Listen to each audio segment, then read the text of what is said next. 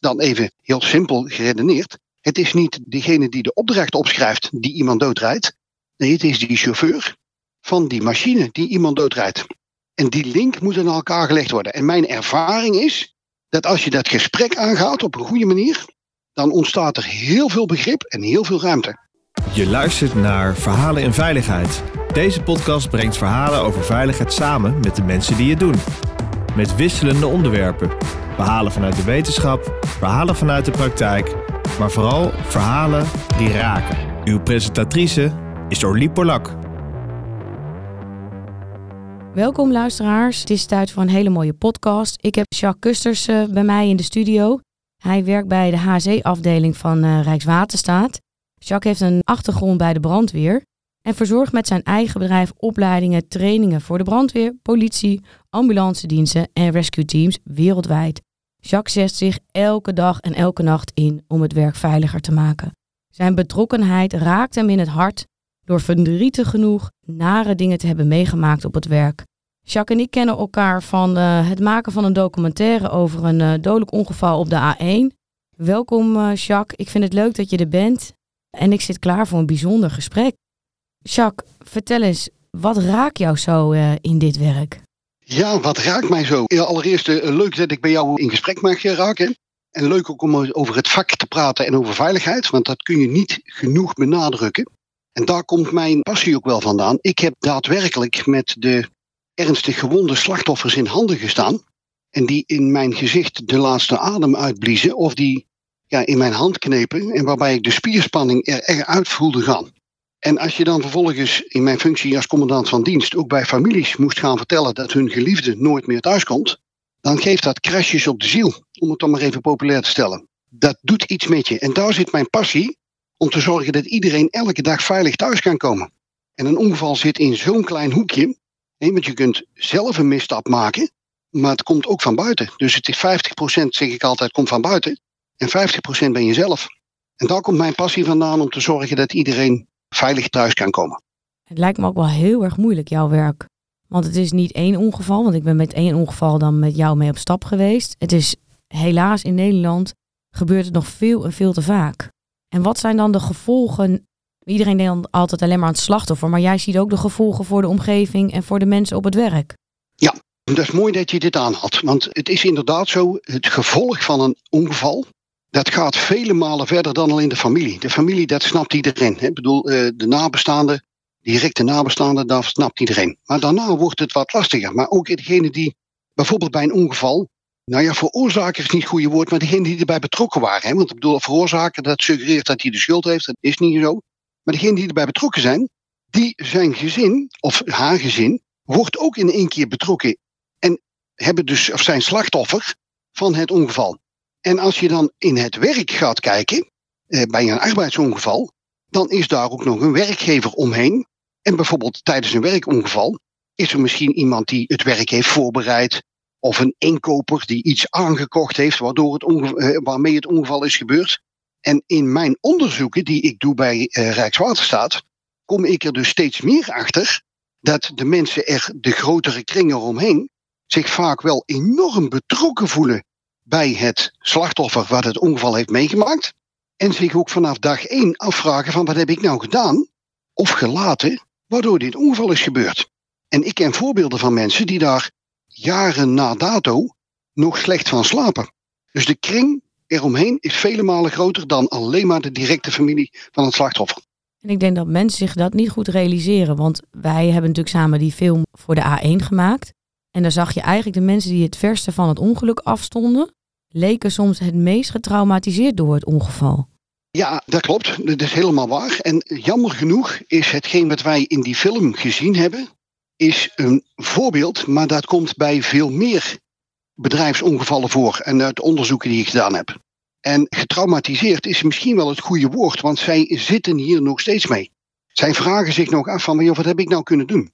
En met name in de sfeer van opdrachtgevers, hè, dan sta je als, als partij sta je in de ogen van veel mensen heel ver weg. Alleen dat blijkt dus niet zo te zijn. De mens zit toch zo in elkaar dat wij ons betrokken voelen bij degene die wij vragen om het werk voor ons te komen doen.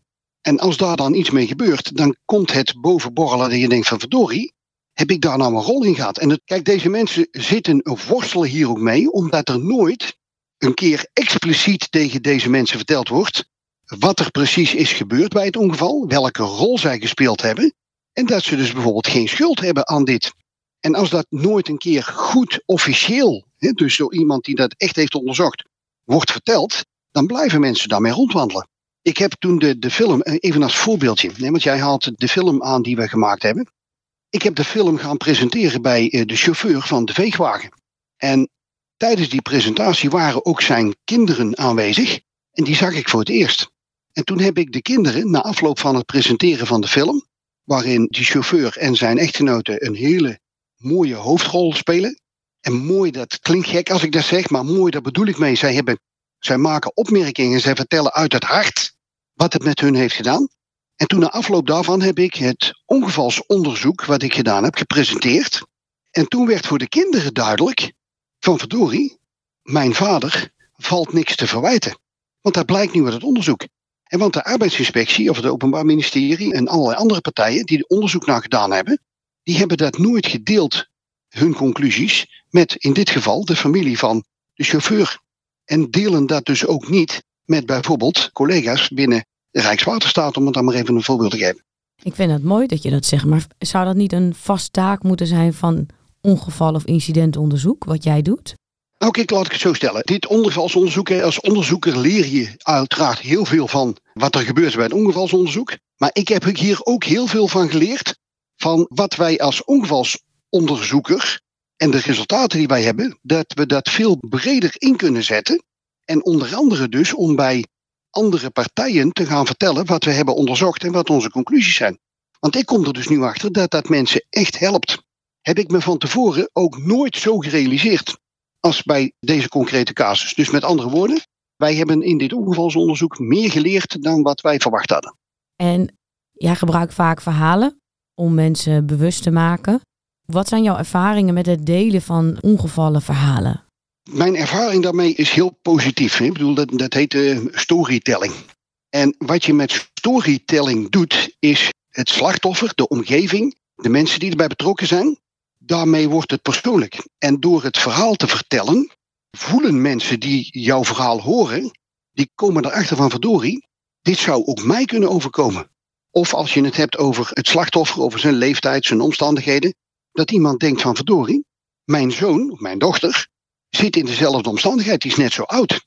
En daarmee probeer ik dan ook mensen te raken in de sfeer van denk goed na wat je doet. Want nu is het bij het slachtoffer gebeurd, maar dit zou dus ook in jouw situatie kunnen gebeuren.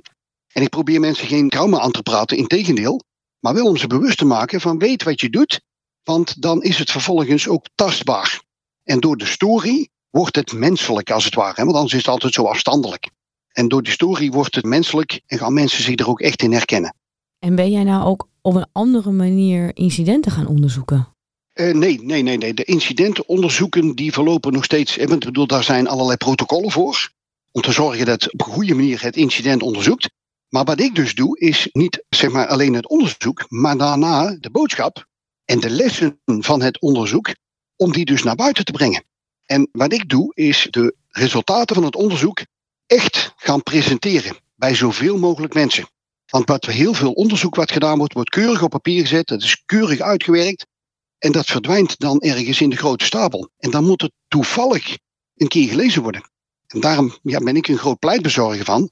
Ongevalsonderzoek doen en daarna de bühne op om de resultaten van het onderzoek echt te gaan vertellen bij mensen. En ja, niet om jouw woorden in de, in de mond te leggen, maar zou deze manier van vertellen ook ervoor gezorgd hebben dat ze op een andere manier naar wegafsluitingen zijn gaan kijken? Ja, ik ben ervan overtuigd dat door de boodschap te gaan vertellen, door, door het menselijk te maken, dat er meer mensen zijn gekomen die gedacht hebben van ja, dit moet je niet willen. We moeten hier eens op een andere manier naar kijken. En juist doordat we heel veel presentaties gegeven hebben, is die olievlek van mensen die je hiermee kunt inspireren, is groter geworden. En is men binnen Rijkswaterstaat met name op een andere manier gaan kijken. En vanaf het datum van het ongeval en de presentaties is het credo ook geworden. We sluiten af, tenzij en dan is het dus niet zo dat je altijd maar af kunt sluiten, want dat kan namelijk niet. Maar in het verleden was dat je nooit afsloot, Want het verkeer moest altijd doorgang hebben. En nu is het zo dat je moet argumenteren waarom je het niet afsluit. Dus nu komen al die belangen goed op de weegschaal te liggen. En moet je beargumenteren waarom je een bepaalde keuze maakt. En dat is winst. En heb jij ook het gevoel dat mensen veranderd zijn? Dat hun mindset is veranderd door deze verhalen? Uh, ja, ik ben ervan overtuigd. En, en dat constateer ik ook. Hè. Mensen komen ook terug als ik de presentatie gehouden heb. Of komen met voorbeelden maanden nadien nog wel eens bij mij terug. Ik zal een, een voorbeeld geven. Ik gaf een presentatie, een, heel, een aantal presentaties, bij de specialistische wegenbouw. Dat zijn de chauffeurs van de vrachtwagen, dat zijn de machinisten op de freesmachines, dat zijn de machinisten op de walsmachine, op de asfaltmachines enzovoorts. En die heb ik toegesproken naar aanleiding van het ongevalsonderzoek en de, en de boodschap die daarin zit. En heel nadrukkelijk aangesproken op het feit, jij bent degene die iemand aanrijdt. Het is niet jouw directeur, het is niet jouw werkvoorbereider, het is niet jouw voorman. Jij bent degene die dat doet. Jij bent degene die als het gebeurt de komende jaren slecht gaat slapen. Dus ook jij bent degene die het verschil kan maken. En toen heb ik A4'tjes gemaakt waarin we dat uh, helemaal hebben uitgewerkt. En die deel ik dan uit. En daarin zit het stappenplan wat je voor het afwegen van werkzaamheden via de arbeidshygiënische strategie. Dat stappenplan dat deel ik uit aan de chauffeurs. Eigenlijk met de mededeling van, joh, ga het gesprek aan. Maanden nadien kwam ik op een andere presentatie waarbij ik de directeuren van al die bedrijven een keer toe mocht spreken. En toen kwam er na afloop kwam er een directeur naar mij toe en toen zei hij zo. En nu kan ik degene spreken die mijn chauffeur op mij afgestuurd heeft. En toen ging ze binnenzak open en toen kwam het papiertje eruit. En toen zei die chauffeur kwam bij mij binnenvallen met de mededeling. Luister baas, ik ben degene die iemand doodrijdt en ik wil hebben dat we hier iets mee gaan doen. En toen was mijn vraag, nou dat is geweldig natuurlijk, maar wat hebben jullie ermee gedaan? En toen gaf die directeur een mooi voorbeeld, dat ze vanaf dat moment er echt intensief over waren gaan spreken. En over na waren gaan denken. Nou, toen was ik dus zeker van, nou, dit is de manier om mensen ook te kunnen bereiken. En dat wil niet zeggen dat het overal eh, goed gaat, dat is niet zo. Maar elke keer als er een gesprek wordt gevoerd en dat een chauffeur bij zijn werkvoorbereider, bij zijn uitvoerder, bij zijn directeur erover praat, komt er begrip naar elkaar toe. En in mijn presentaties roep ik dus ook de aannemer op van joh, als je met dit soort dilemma's zit, ga ook het gesprek aan met de opdrachtgever. Want die opdrachtgever die heeft misschien wel niet eens in de gaten welke opdracht hij jullie geeft en welke risico's dat met zich meebrengt en welke gevolgen dat heeft. Want dan even heel simpel geredeneerd, het is niet degene die de opdracht opschrijft die iemand doodrijdt. Nee, het is die chauffeur van die machine die iemand doodrijdt. En die link moet aan elkaar gelegd worden. En mijn ervaring is dat als je dat gesprek aangaat op een goede manier, dan ontstaat er heel veel begrip en heel veel ruimte. Ja, want mensen willen gewoon dit niet op hun geweten hebben. En die gaan dan aan hun baas vragen: joh, wat ga jij voor mij doen, zodat ik deze fout niet maak? Dat is precies de truc die erachter zit. Ja. En het is niet heel zwart-wit, hè? Ik bedoel, we moeten gewoon eerlijk over zijn. Maar wat ik altijd, ik maak de metafoor van de weegschaal. Leg de belangen van de verschillende dingen in de weegschaal en kijk dan wat er gebeurt. Maar ik heb laatst tegen een wethouder, gaf ik het voorbeeld. Jij zou het ook niet fijn vinden als de schilder bij jou je kantoor komt schilderen en constant jou op je bureau gaat staan terwijl je daar zit te werken. Want dat accepteer jij niet. En waarom moet die wegwerker het wel accepteren dat allerlei mensen door zijn werkvak heen gaan rijden? En want vaak wordt dan geroepen van het openbaar vervoer moet door kunnen rijden of de hulpdiensten moeten er langs kunnen. Dat moet je niet willen. Je moet ervoor zorgen dat een wegwerker op een veilige manier zijn werk kan doen en alle verstoringen die in dat werkvak plaatsvinden, worden geminimaliseerd. Alleen dat moet je goed op de weegschaal leggen, want zoals ik het nu zeg is het heel zwart-wit, maar je moet het afwegen, want er zijn situaties waarbij het gewoon niet anders kan. Alleen je moet het dus omdraaien. De uitzonderingen, die moet je organiseren, maar niet de algemene maatregel. De algemene maatregel is, we sluiten af, tenzij. Ik denk ook soms dat werkvoorbereiders of contractmensen of mensen die eh, achter een bureau zitten, er iets te makkelijk over denken. Ik heb dan toevallig meegereden met de veegwagens. En dat mensen denken, ja, maar het is heel simpel werk. Maar die man is super geconcentreerd bezig. Die kijkt continu of zijn lijntje netjes is. Iedereen wacht daar ook op. Hè? Iedereen vraagt alleen maar één taak aan hem. Het lijntje moet netjes zijn. En de camera's zijn precies aan de andere kant geplaatst van waar hij kijkt. Dus hij kijkt altijd rechts, naar beneden en in zijn spiegel. En om te zien wie er achter hem loopt, moet hij naar links kijken. Maar er zijn zo weinig momenten dat hij naar links kijkt, want hij is geconcentreerd met zijn werk bezig. dan denk ik soms ook wel eens, ja, dan kan je wel een onderzoek doen over knipperende lampjes en geluid. Maar als je die man eigenlijk een avondje had gevolgd en achter hem was gaan zitten, dan had je gewoon begrepen dat de druk is zo super hoog. En ja, het is een simpele taak, maar misschien maakt dat dat nog stressvoller, omdat iedereen denkt, het is een simpele taak, waarom doe je dat niet goed? Dat het wel heel lastig is om diegene die, die achter je in een hoekje staat te landmeten, om die dan nog te zien. Ja, nou ja, goed, wat jij aanhaalt is een mooi item. Wat wij in het onderzoek met name gedaan hebben, dat is gekeken naar de human factor. Is de mens in staat om hetgeen wat wij denken wat hij allemaal kan, of dat hij dat ook echt kan? En laten we even beginnen bij de chauffeur. Die chauffeur die heeft zes spiegels om in te kijken. Die heeft meerdere camera's om in de gaten te houden. Die moet voor en achteruit rijden. En dan ook nog eens een machine bedienen en instellen gedurende het werk. En dat doet hij allemaal tegelijk. Als je dus daardoor mensen omheen laat lopen, dan weet je één ding zeker. Die chauffeur kan die mensen niet zien, niet in de gaten houden. Want dan blijkt plotseling dat ook allerlei technische voorzieningen, die bedoeld zijn om het werk veiliger te maken, en dan heb ik het over de camera, ik heb het over het achteruitrijsignaal, piep, piep, piep, en ik heb het over werkverlichting. Dat zijn technische voorzieningen waarvan iedereen altijd dacht, dat helpt dat het ongeval niet gebeurt. En dat levert ook wel een bijdrage, dat is absoluut zo. Maar die bijdrage is heel klein. Want het blijkt dat dit piep, piep, piep signaal, met name in de buitensituatie, geen effect heeft als er voorbijrijdend verkeer is. Want het voorbijrijdend verkeer maakt dezelfde hoeveelheid lawaai als dat piepsignaal en dat heft elkaar op, dat is één. De achteruitrijverlichting zorgt ervoor dat er aanstraalt op de retro-reflecterende kleding van de mensen die daar staan te werken waardoor die camera één grote witte vlek ziet.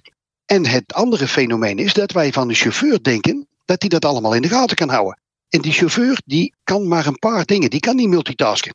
En dat geldt overigens ook voor dames. Ja, dat zeg ik nou. Hè. Nou zitten nou toch op afstand, dus kan ik dat gewoon zeggen tegen jou. Maar dat is zo. Wij verdenken de mensen van dat wij allemaal kunnen multitasken. En dat blijkt uit wetenschappelijk onderzoek dat dat niet kan. Dus wij verwachten iets van de chauffeur van de veegwagen, terwijl dat niet kan.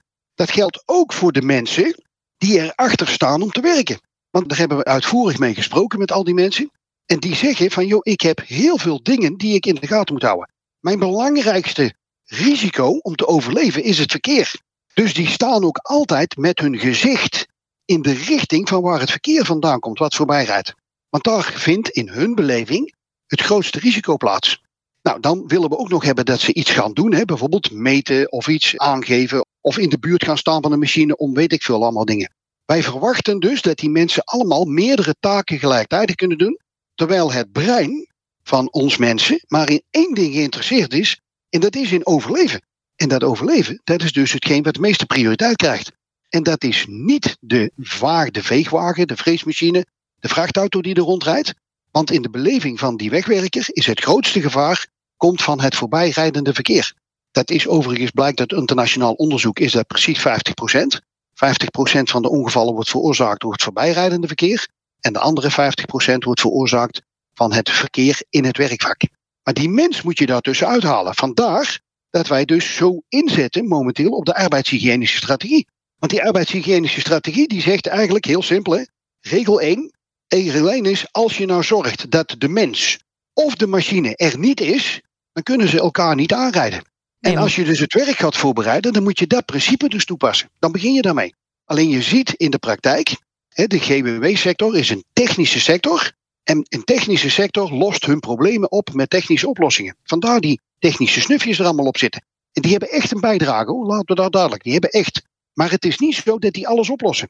Dus je moet eerst die andere stappen in de arbeidshygiënische strategie doorlopen, voordat je naar de techniek gaat. Techniek staat pas op de vierde plek. Ja, en je voorkomt ook dat mensen inderdaad helemaal gestrest raken van al die taken en al die gevaren. Ja. En dus ook eigenlijk vermoeid raken in hun brein. Ja. Ja, mooi.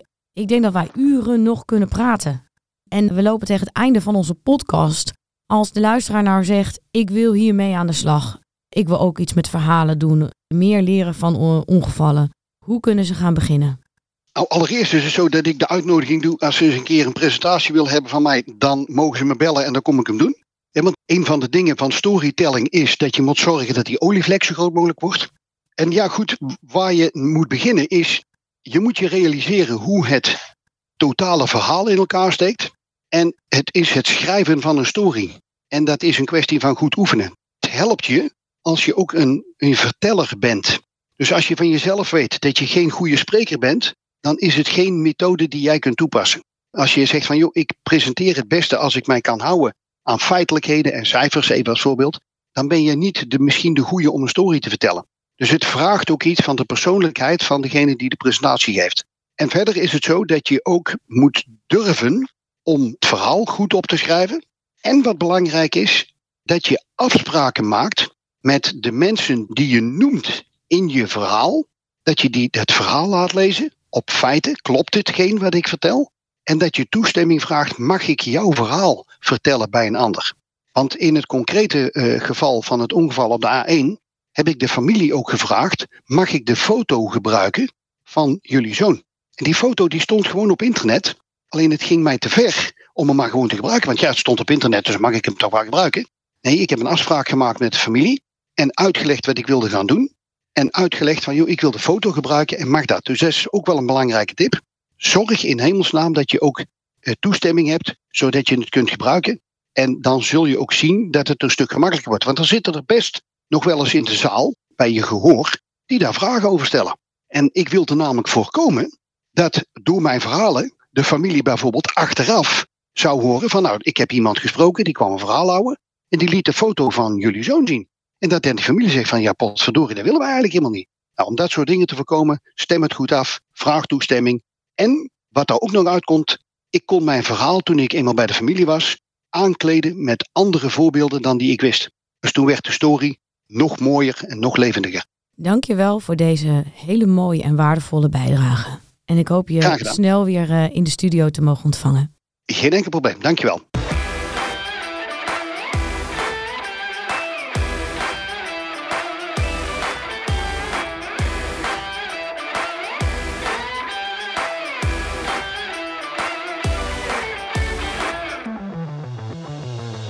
Je luisterde naar Verhalen in Veiligheid. Wil je niks missen van deze podcast? Abonneer je dan op deze podcast in je favoriete podcastplatform. En laat een review achter in Apple Podcast.